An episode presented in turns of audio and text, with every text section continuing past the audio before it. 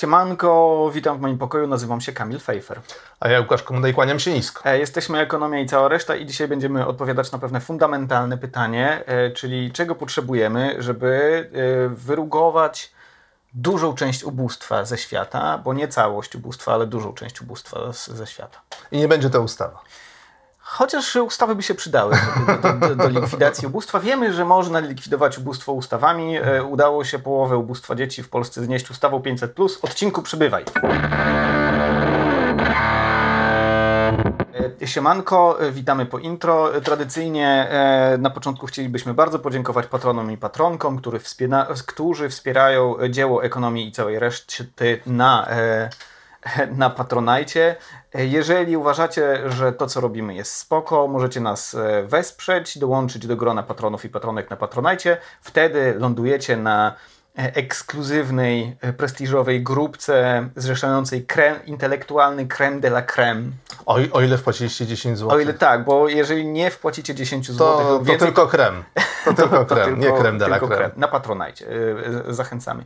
Dajcie też nam suba, dajcie, tam kliknijcie dzwoneczek. To wszystko jest naprawdę ważne, ponieważ dzięki temu dzieło ekonomii całej reszty może się rozrastać, a to dla waszego dobra jest. Tak, tak. Chodzi o to, że algorytmy zwracają uwagę na tego typu elementy, możemy trafiać do większej grupy odbiorców. Tak, e, oraz ewentualnie później e, przy współprackach biznesowych, a to jest też ważne, żeby to po prostu whulało inaczej niż e, jako projekt robiony po godzinach. bo projekty robione biznesowo są po prostu lepsze jakościowo. Dobra. E, na początku warto sobie zdać sprawę z tego. E, e, mówimy w, w, o tej sprawie w kontekście bardzo ciekawego artykułu Maxa Rosera, czyli takiego głównego machera, jak to Łukasz mówi, z naszej, jednej z naszych ulubionych platform, czyli Our World in Data. Takiej platformy, która agreguje dane ekonomiczne i nie tylko z całego świata. Max Roser mówi coś takiego, że my sobie nie zdajemy sprawy z tego, jak świat jest biedny, bo tak naprawdę świat jest biedny. Pomimo tego, że setki milionów ludzi żyją na e, wysokim poziomie w Europie, w Stanach Zjednoczonych, w Kanadzie, e, to ogromna większość ludzi ciągle żyje w biedzie. On pisze tak: 85% światowej populacji żyje za mniej niż 30 dolarów miesięcznie i jest to 30 dolarów skorygowane o siłę nabywczą. Mhm. E, I, mówi, że, I mówi tak, no świat, świat jest e, e, biedny i co trzeba zrobić, żeby te, ci, ci ludzie, te 85% populacji było bogatsze. Żeby je wydźwignąć, żeby je wydźwignąć z, z ubóstwa. Otóż okazuje się, że potrzebny jest gigantyczny wzrost PKB. E, I tutaj e, przechodzimy już do e, grona liberałów, lipków, którzy fetyszyzują PKB. Czy tak, czy tak jest? Nie, znaczy nie fetyszyzujemy PKB, ale zwracamy uwagę, że nie da się pominąć kwestii tego, że E, e, że jednak wielkość tego tortu do dzielenia e, i, i, ma znaczenie. Nie tylko to, jak go dzielimy, ale i wielkość mhm. ma znaczenie. E, takie zrobimy sobie oddzielny odcinek o PKB i o krytyce PKB. Zdajemy sobie sprawę z tego, e, jak że, kulawy jest to wskaźnik. Że jest to e, wskaźnik kulawy, acz to nie jest tak, że PKB nam o niczym nie mówi. PKB koreluje z, wie, z wieloma rzeczami, takimi jak dobrostan. Mm. Na czym polega model Maxa Rosera? Znaczy, on wskazał właśnie ten pułap tych 30 dolarów e, e, wydawanych dziennie na, na swoje mhm. utrzymanie. E, e, skorygowany właśnie o siłę nabywczą, czyli można przyjąć, że w wielu krajach e, mniej rozwiniętych, e, mniej zamożnych te, za te 30 dolarów możemy kupić więcej ryżu, więcej mhm. podstawowych towarów i usług. E, niż w krajach e, zamożnych. Tak? tak. E, I w, mając, mając do wyboru różne kraje, jakby do czego chcielibyśmy dążyć, on sobie wybrał Danię. Mhm. Uznał, że Dania to jest taki kraj, w którym się żyje całkiem nieźle, dobrze wypada w różnych badaniach, rankingach jakości życia i tak dalej. I przyjął po prostu, że Chcielibyśmy osiągnąć mniej więcej taki rozkład dochodów i taki poziom życia, jaki jest, w, Danii. w Danii. Czyli Dania jest pewnym benchmarkiem, do którego byśmy ciągnęli całą ludzkość. W tak, skrócie mówiąc. Tak jest. Dla porównania do tej Danii, gdzie 85% e, mieszkańców żyje powyżej e, mhm. tego progu wskazanego, czyli 30 dolarów dziennie, on podaje Etiopię, gdzie 99% żyje poniżej. Poniżej. E, tak, tego, tak. Czyli 1% zresztą... tylko cieszy się takim powiedzmy życiem na poziomie europejskim. Tak, on zresztą e, mówi coś super ważnego, co trzeba sobie wbić w głowę, ale to pewnie, jeżeli nas oglądacie, to pewnie wiecie, ale jeżeli nie wiecie, to wbijcie sobie to do głowy, e, że ludzie żyją w ubóstwie nie z powodu tego, kim są, tylko gdzie się urodzili. I i jeszcze wracając do tej Danii, to on mówi coś takiego, że osoba żyjąca w Danii ma 85% szans na to, że nie będzie biedna, czyli że będzie żyła powyżej tych 30 e, dolarów miesięcznie. Osoba żyjąca w Etiopii ma 1% szans na to, że nie będzie.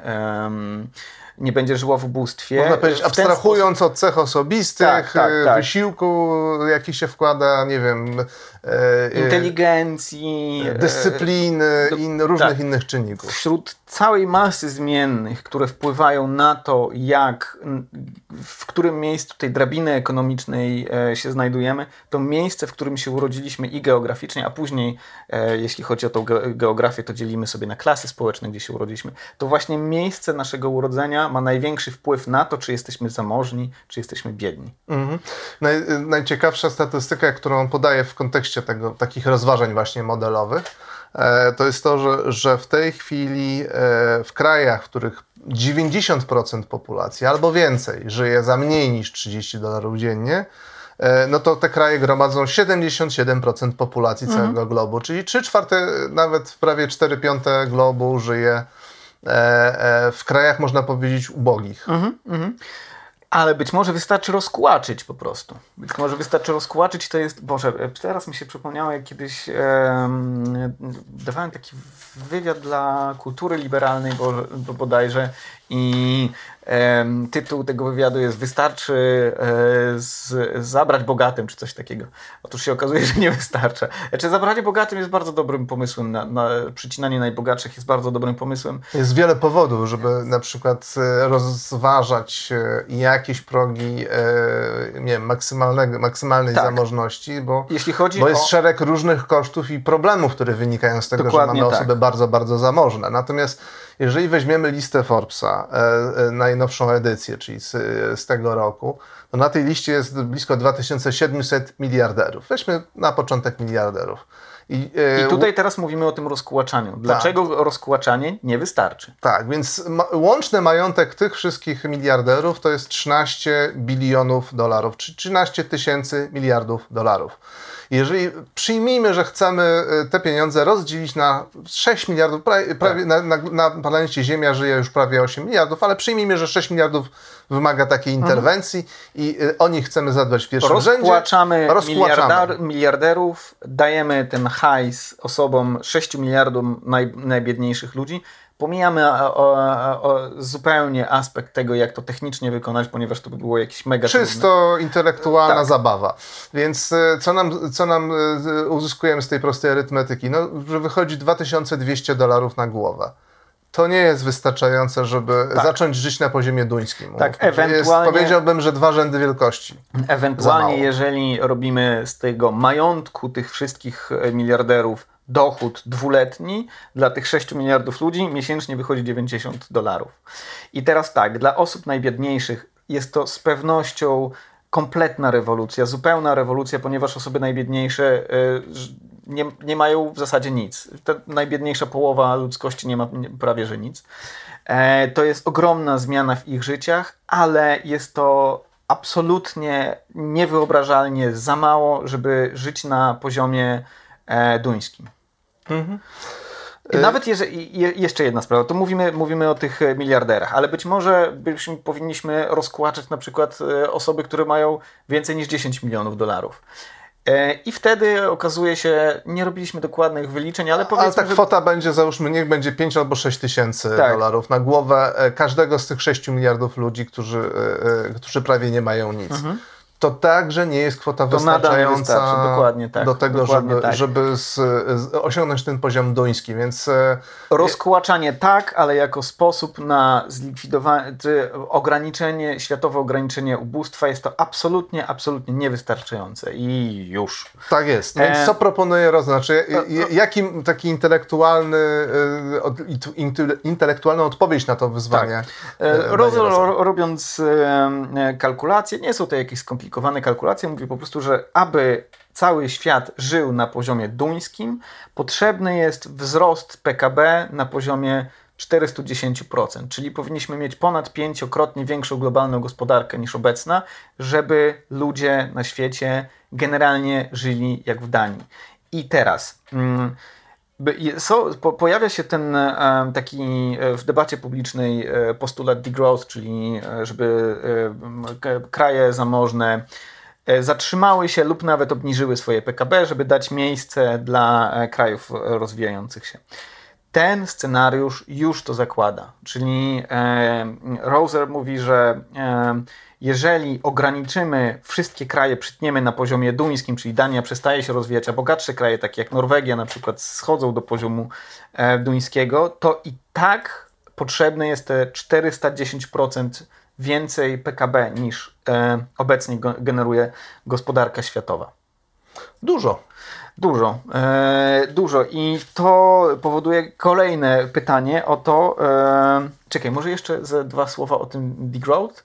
Aha, on mówi o czymś takim, że te 410% to jest absolutne minimum, żeby dojechać do tego, bo to jest to minimum, które mówi o tym, że te gospodarki przycinamy na poziomie duńskim. Przy czym nie wiadomo, a raczej wiadomo, że, te, że gospodarki nie przytną się na poziomie duńskim. Dania będzie się rozwijać, gospodarczo, w sensie będzie, będzie tam obecny wzrost gospodarczy. E, nagrywamy to drugi raz. E, nie wiem, czy już mówiliśmy o tym, że znamy ograniczenia PKB. To nie jest tak, że my jesteśmy wielkimi apologetami, fety, fetyszyzujemy PKB. Nie, nie, nie, nie. To nie, jest, to nie jest wskaźnik idealny, ma wiele, wiele wad, natomiast e, no, koreluje z różnymi istotnymi czynnikami, jak mhm. na przykład z jakością życia. E, e, z, z ubóstwem, z, e, z brakiem ubóstwa. Z brakiem, z, z brakiem ubóstwa, z zadowoleniem z życia. Dziwne rzeczy dzieją się wśród krajów na tym samym poziomie e, zamożności, na tym samym poziomie PKB per capita. E, I o tym będziemy mówić w jakimś e, oddzielnym odcinku. Tak, jest, można w różny sposób zagospodarować PKB, można robić to mądrzej jak kraje skandynawskie, można robić to głupie jak Stany Zjednoczone, gdzie mają tam te setki tysięcy osób żyjących w, Skrajny... w tak, w, ale w kamperach. I które dojeżdżają do pracy, ponieważ nie stać ich na dom. Um... No, ale wróćmy, wróćmy w takim razie do tego, e, e, czy to jest realistyczne i e, jakie dalsze wyzwania by za tym stały, bo realistyczne, realistycznie, teoretycznie jest, bo to jest kwestia nawet niecałego stulecia. Tak? Mówimy o, skoro zmagamy się z wyzwaniami na przykład zmian klimatycznych, więc też stawiamy jakieś cele na 20-30 mhm. lat naprzód, czyli tam nawet do 2050 roku, no to tu mówimy o kilku dekadach więcej, więc mhm. to nie jest jakiś scenariusz zupełnie abstrakcyjny, że, że, w którym musimy uwzględniać kosmitów i, e, i jakieś... Dlaczego kosmitów? No nie wiem, jakoś tak mi się wydaje, że kosmici pod koniec tego wieku się pojawią. Ale że e, pojawią tak się, zaplanowałem. Pod, pojawią się pod koniec wieku i spowodują nagły wzrost gospodarczy? Nie, będą patrzeć na ruiny naszej cywilizacji technicznej i, i, drapać się po zaroście, tak po e, Którzy, ponieważ mackami. Ponieważ doprowadzą do ruiny. To... Może tak być, może tak być. No ale wróćmy, wróćmy w takim razie do, do, do, do jakichś realnych scenariuszy. W każdym razie y, w, y, to, to jakby to nie jest rzecz zupełnie niemożliwa do osiągnięcia. Natomiast czy, co jest największym wyzwaniem? No, wyzwaniem jest to, że w tej chwili zużywamy surowce naturalne e, e, w tempie e, chyba siedmiokrotnie większym niż zdolność jakiegoś odtwarzania ja nie, się naturalnego. Co, ja nie jestem pewien, czy, czy to jest w ogóle do, e, sensownie policzone? Sensowna, sensowna miara. Mm. Myślę, że to jest po prostu, wiesz, tak rzucone po prostu jakiś think tank albo ktoś zrobił coś takiego, to świetnie poszło po, po, po mediach. Jakby. No dobra, ale to otwiera pytanie w takim razie, jak sobie możemy wyobrazić zwiększenie globalnej gospodarki pięciokrotnie w kontekście tak, tak tak, tak. zanieczyszczenia środowiska, tak, zużycia i Roser, surowców. I, i Roser, Roser mówi o tym, że są, e, są w zasadzie trzy scenariusze. Albo mamy e, pierwszy scenariusz, albo mamy absolutne oddzielenie wzrostu od presji środowiskowej, co jest bardzo mało prawdopodobne. Możliwe jest i już to, to się dzieje absolutne oddzielenie wzrostu gospodarczego od wzrostu emisji, to znaczy e, wzrost gospodarczy w niektórych krajach następuje przy jednoczesnym zmniejszeniu się emisji e, gazów cieplarnianych i nie dzieje się to przez eksport emisji, chociaż częściowo też, ale, ale zostawmy tą kwestię. Mhm. E, drugi scenariusz e, to jest degradacja środowiska, to znaczy e, w... machamy ręką na to wszystko i jedziemy. I jedziemy, tak, tak, tak. I dajemy po prostu priorytet bogaceniu się ludzi nad degradacją. Albo trzeci scenariusz, bieda po wsze czasy. Mhm. Znaczy... Um... Nie osiągamy wzrostu gospodarczego, nie dbamy o jego jakąś sensowniejszą dystrybucję, redystrybucję mhm. czy dystrybucję i efekt, w efekcie dalej mamy miliardy ludzi za 100 lat, tak. E, które mamy żyją. miliardy ludzi biednych oraz e, szczęśliwców, powiedzmy tam 2-3 miliardy ludzi, którzy mieli wielkie szczęście urodzić się w zamożnych krajach e, i mówią na przykład, a niech oni się tam wezmą do roboty, a to nie mogą pozakładać tam tych firm i nowych technologii tam rozwijać? No niech to zrobią. Um, mi się wydaje, że będzie e, jakiś rodzaj mariażu tego wszystkiego, tych, tych wszystkich rzeczy. To znaczy, um, absolutne oddzielenie pewnie nas nie czeka. E, wzrost wydajności różnych e, tworzenia, wytwarzania i energii, E, i e, produktów następuje, to jest jakby poza dyskusją i pewnie to będzie postępować.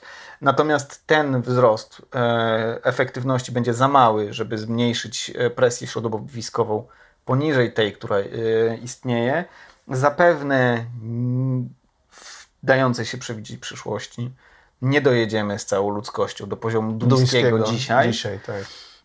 E, degradacja, e, e, czy degradacja środowiska pewnie też. E, e, bądźmy realistami. A, a... Mm, lokalnie na pewno mhm. i w niektórych aspektach. Znaczy, może nie będziemy zatruwać tak rzek, ale za to będziemy zatruwać co innego. Tak? tak? Albo na odwrót. Mhm. Tak? Powietrze będzie czystsze, tak. ale za to będziemy mieli zatrute oceany. Tak, i tu jest e, ogromna rola regulacji. Ja jestem wielkim, ogromnym zwolennikiem trzymania wolnego rynku za, ry, za ryj. Nie jestem przeciwnikiem wolnego rynku, jestem zwolennikiem regulowanego, silnie regulowanego rynku. To znaczy instytucji politycznych, które łapią w kajdany, tworzą nawisy biurokratyczne nad e, procesami, które szkodzą e, większości albo znacznej części ludzi. Albo nie, nie tylko ludzi, ale ludzi i środowisku.